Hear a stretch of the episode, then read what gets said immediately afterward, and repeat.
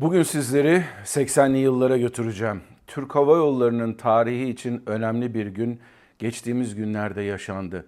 Türk Hava Yolları aslında bunu atladı ama Kaptan Baha atlamadı. Hadi gelin başlayalım.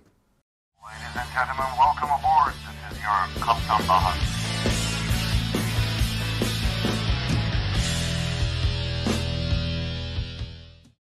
Herkese merhabalar arkadaşlar. Ben Kaptan Baha, Bahadır Acuner. Yepyeni bir Kaptan Baha yayınıyla sizlerle beraberiz.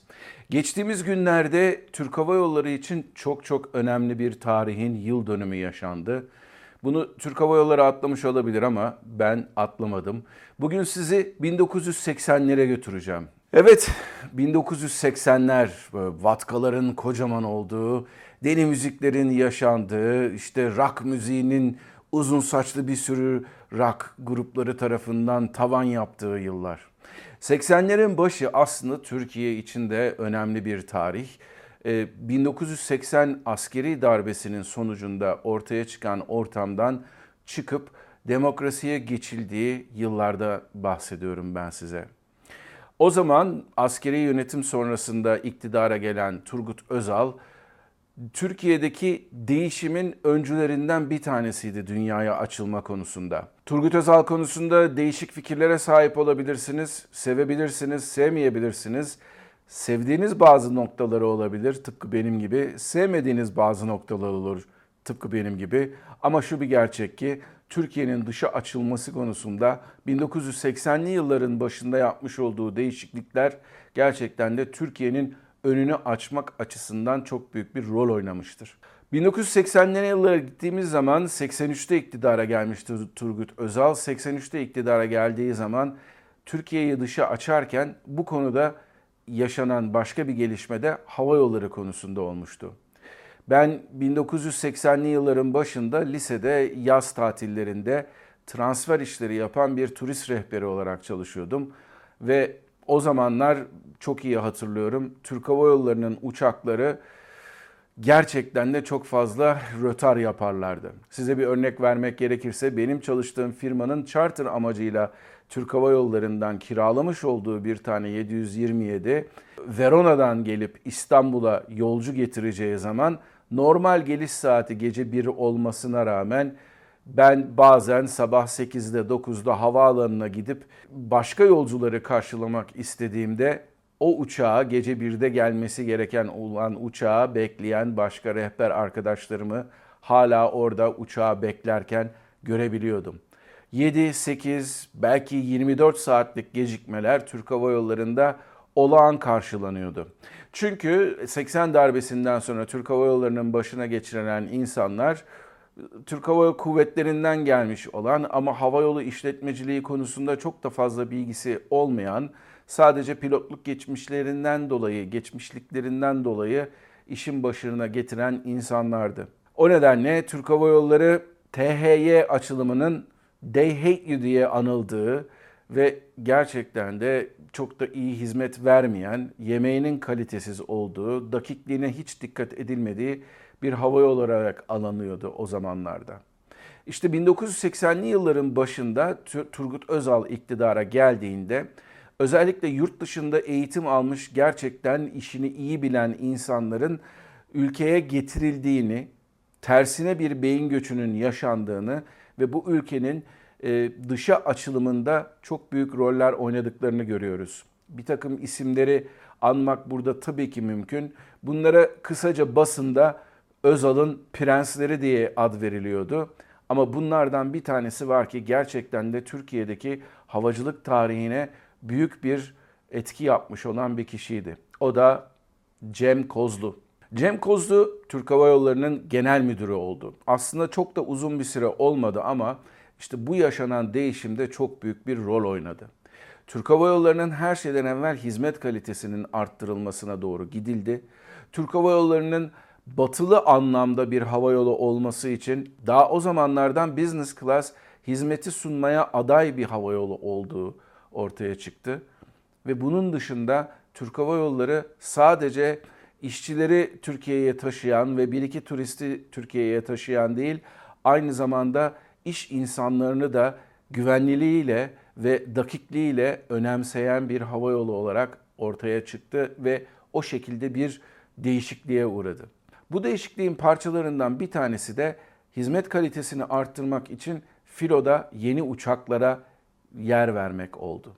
Yeni noktalara, daha uzak noktalara uçabilmeniz için daha ekonomik, daha modern uçaklara ihtiyaç olduğu için Airbus'a Airbus 310 siparişi verildi. Türk Hava Yolları daha sonraki yıllarda 737-400 siparişiyle de filosunu yavaş yavaş gençleştirmeye, modernleştirmeye de başlamıştı. Ama bugün konumuz 35. yılını kutladığımız Amerika seferleri. Neden mi? Çünkü Amerika havacılık açısından çok büyük bir pazardı ve bu pazara Türk Hava Yolları daha o zamana kadar hiçbir sefer girmemişti. İşte o girilen pazar 21 Ağustos 1988 yılında o zamanki Ulaştırma Bakanı Ekrem Pakdemirli'nin de davetlisi olarak insanları New York'a götürdü. İlk yapılan seferde yolcu yoktu. Devlet erkanı buradaydı ve onun dışında New York'ta bir tören düzenlendi. Bu anıyla ilgili ayrıntıları harika bir kitaptan Türkiye Havacılık Tarihi kitabından sevgili Kıvanç Hürtürk'ün paylaşmış olduğu o gün o davette bulunan Kıvanç Bey'in ve kitapta koymuş olduğu fotoğraflardan alıntı yaparak göstermek istiyorum. Airbus 310-200 uçağıydı. 200 modeli daha kısa menzilli bir uçaktı ve bu uçuşun gerçekleşmesi için bundan sonra da yolcu olarak uçulduğu takdirde İstanbul'dan New York'a kadar bu uçaklar non-stop yani durmaksızın uçamadıkları için bir yakıt alma, yakıt ikmali yapma noktasına ihtiyaç vardı. Türk Hava Yolları yapmış olduğu girişimlerle Brüksel'de yakıt ikmali yapmaya karar verdi. Bu kararın vermenin nedenlerinden bir tanesi de aynı zamanda 5. özgürlük hakkı diye tabir edilen, Fifth Freedom of Rights diye tabir edilen havacılıktaki bir terimin avantajını kendine avantaj olarak kullanmaktı. Nedir bu? Türk Hava Yolları İstanbul'dan Brüksel'e yolcu taşıyacaktı bu uçakta. İstanbul'dan New York'a gidecek olan uçaklar da bu uçakta olacaktı. Ama ondan sonra Brüksel'den de yolcu alma hakkını elde etmişti New York'a gitmek için. Bu çok önemli çünkü gerçekten de hem sizin maliyetlerinizi düşürme açısından önemli hem de İstanbul, Brüksel gibi ve Brüksel, New York gibi bir hatlarda sizin yolcu satıyor olmanız o bir tane uçuşun maliyetini çok daha fazla kişiye bölebilmeniz anlamına geliyor. Bu gerçekten de çok avantajlı bir şey değildi ama o zaman için Avrupa'ya çıkmanız gereken ve e, Amerika'daki başka noktalara da uçmanız için ya Frankfurt'tan ya Roma'dan ya da e, ne bileyim Amsterdam'dan aktarma yapmak yerine hiç uçaktan Brüksel'de çıkmadan sadece yolcu indirimi ve yolcu alınması süresince ki bu zamanda da yakıt ikmali yapılıyor zaten uçağa çok kısa bir süre bekledikten sonra tekrardan New York'a devam etmenizi sağlayacaktı. Özellikle Amerika ile yapılacak olan ilişkiler açısından, ticari ilişkiler açısından da bu gerçekten de bulunmaz bir çözümdü. Airbus 310 uçaklarının tercih edilmesinin değişik nedenleri var. Bunun bazıları politik. Çünkü o zaman aynı zamanda Türk Hava Yolları'nın bu siparişiyle Avrupa'ya güzel gözükmek ve Avrupa Birliği'ne olan başvurumuzda bakın biz Avrupa uçakları alıyoruz demek de vardı. Ama aynı zamanda uçağın bir özellikleri, bir takım özellikleri de vardı ki bu gerçekten de bir avantaja dönüşüyordu. O zamanki hava yollarına baktığınız zaman, o zamanki uçak üreticilerine baktığınız zaman ortada şöyle bir gerçek var. DC-10'lar hala fazla miktarda satılıyor ama Boeing artık iki motorlu devri açmış. İki motorlu uçak sayesinde Boeing 767'ler Avrupa'dan Amerika'ya sorunsuz bir şekilde uçmaya başlamışlardı. O zaman Türk Hava Yolları ki Boeing'den de 727'ler filosunda vardı. Neden Boeing 767'leri tercih etmedi diye soracak olursanız şöyle bir açıklaması da var bu olayın. Airbus 310'un gövdesi, gövde çapı olarak daha büyük 767'ye e, göre ve 767 imal edilirken bu konuyu çok fazla miktarda atladığı için Boeing aslında Airbus'un şöyle de bir avantajı vardı. Kargo taşımacılığında LD3 denilen standart kargo konteynerler vardır ve bu konteynerleri Airbus 310'un uçağının altına yüklemeniz mümkün olacaktı. 767'lerde bu konteynerler daha büyük geldiği için yüklemeniz mümkün değildi. Bunun nasıl bir avantajı var diyecek olursanız valizleri tek tek uçağa yüklemek yerine konteynerlere yükleyip ve sadece konteynere bir tanesini uçağa yüklemek bütün neredeyse valizleri alabilecek kadar büyük bir hacimde tek bir yükleme yapmanızı sağladığı için yükleme açısından bir avantajı var. Bu arada Türk Hava Yolları da ağını genişlettiği için kargo taşıma kapasitesini de sahip olacaktı bu uçağın bu konteynerleri içine alabilmesi sayesinde. Bu bir avantajdır tabii ki ve bu avantajı da kullanmak istemişti. Gerçek nedenini aslında Sayın Cem Kozlu'ya sormak lazım ama benim bildiğim kadarıyla bir takım nedenlerden bazıları da buydu.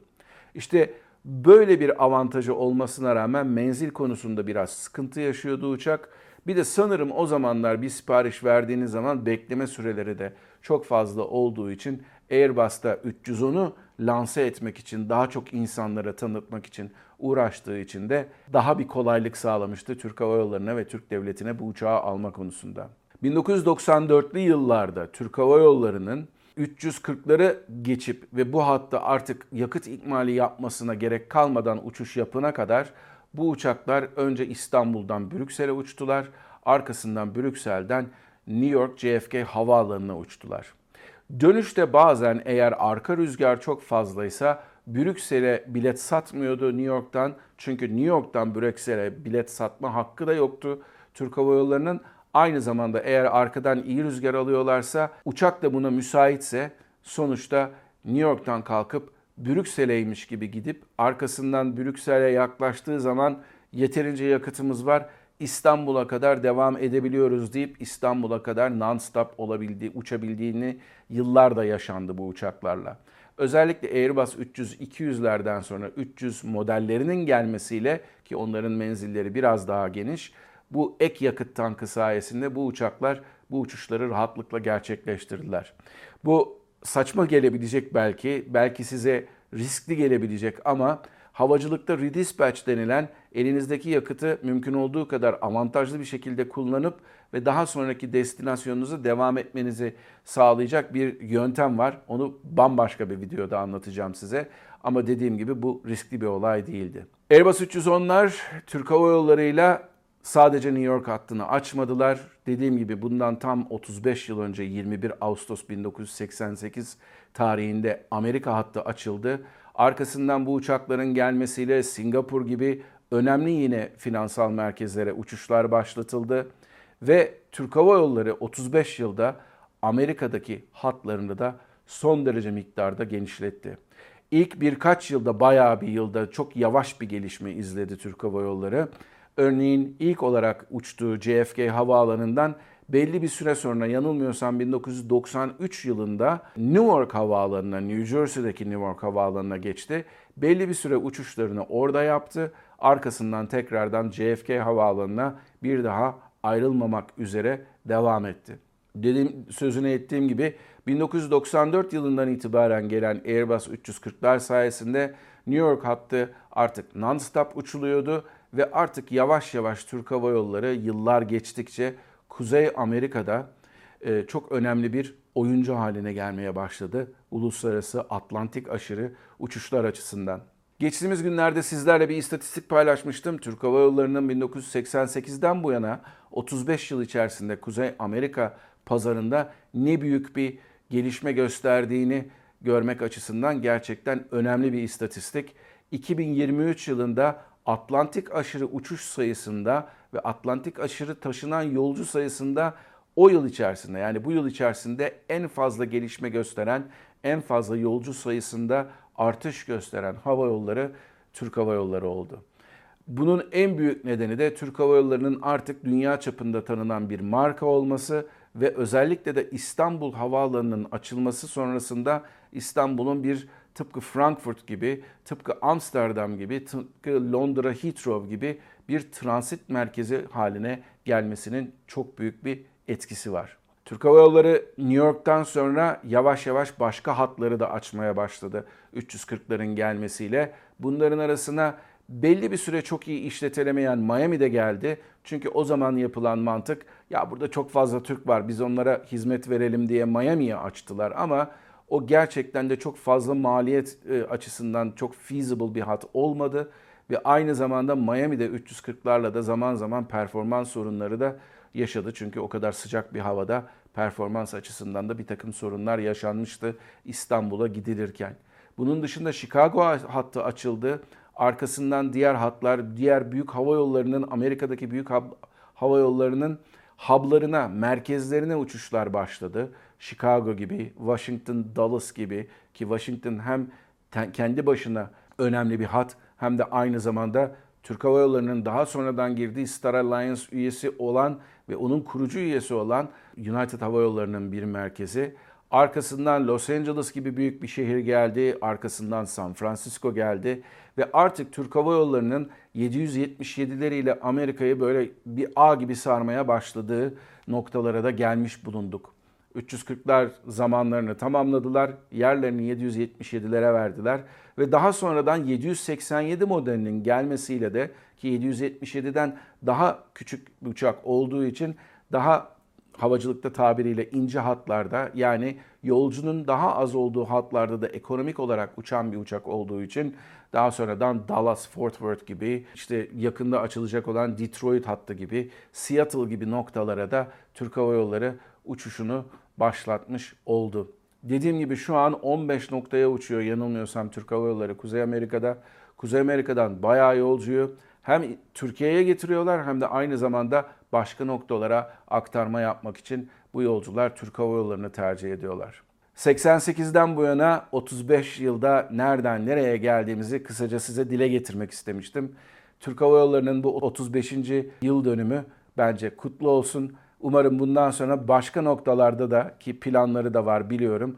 Kuzey Amerika hattında uçmaya devam ederler. Size bugün tarihten birazcık bir haber vermeye çalıştım ve onun sonucunda geldiğimiz noktayı size göstermek istedim. Umarım bu videoyu beğenmişsinizdir. Beğendiyseniz bir tane like'ınızı alırım. Bu arada kanala da abone değilseniz lütfen aşağıda abone ol tuşuna da basmanızı rica ediyorum. Yorumlarınızı aşağıda da yazabilirsiniz bu videonun altına. Bambaşka Kaptan Baha yayınında gerek burada YouTube'da gerekse podcastlerde görüşmek üzere. Mutlu kalın ama her şeyden önemlisi sağlıklı kalın. Hoşçakalın.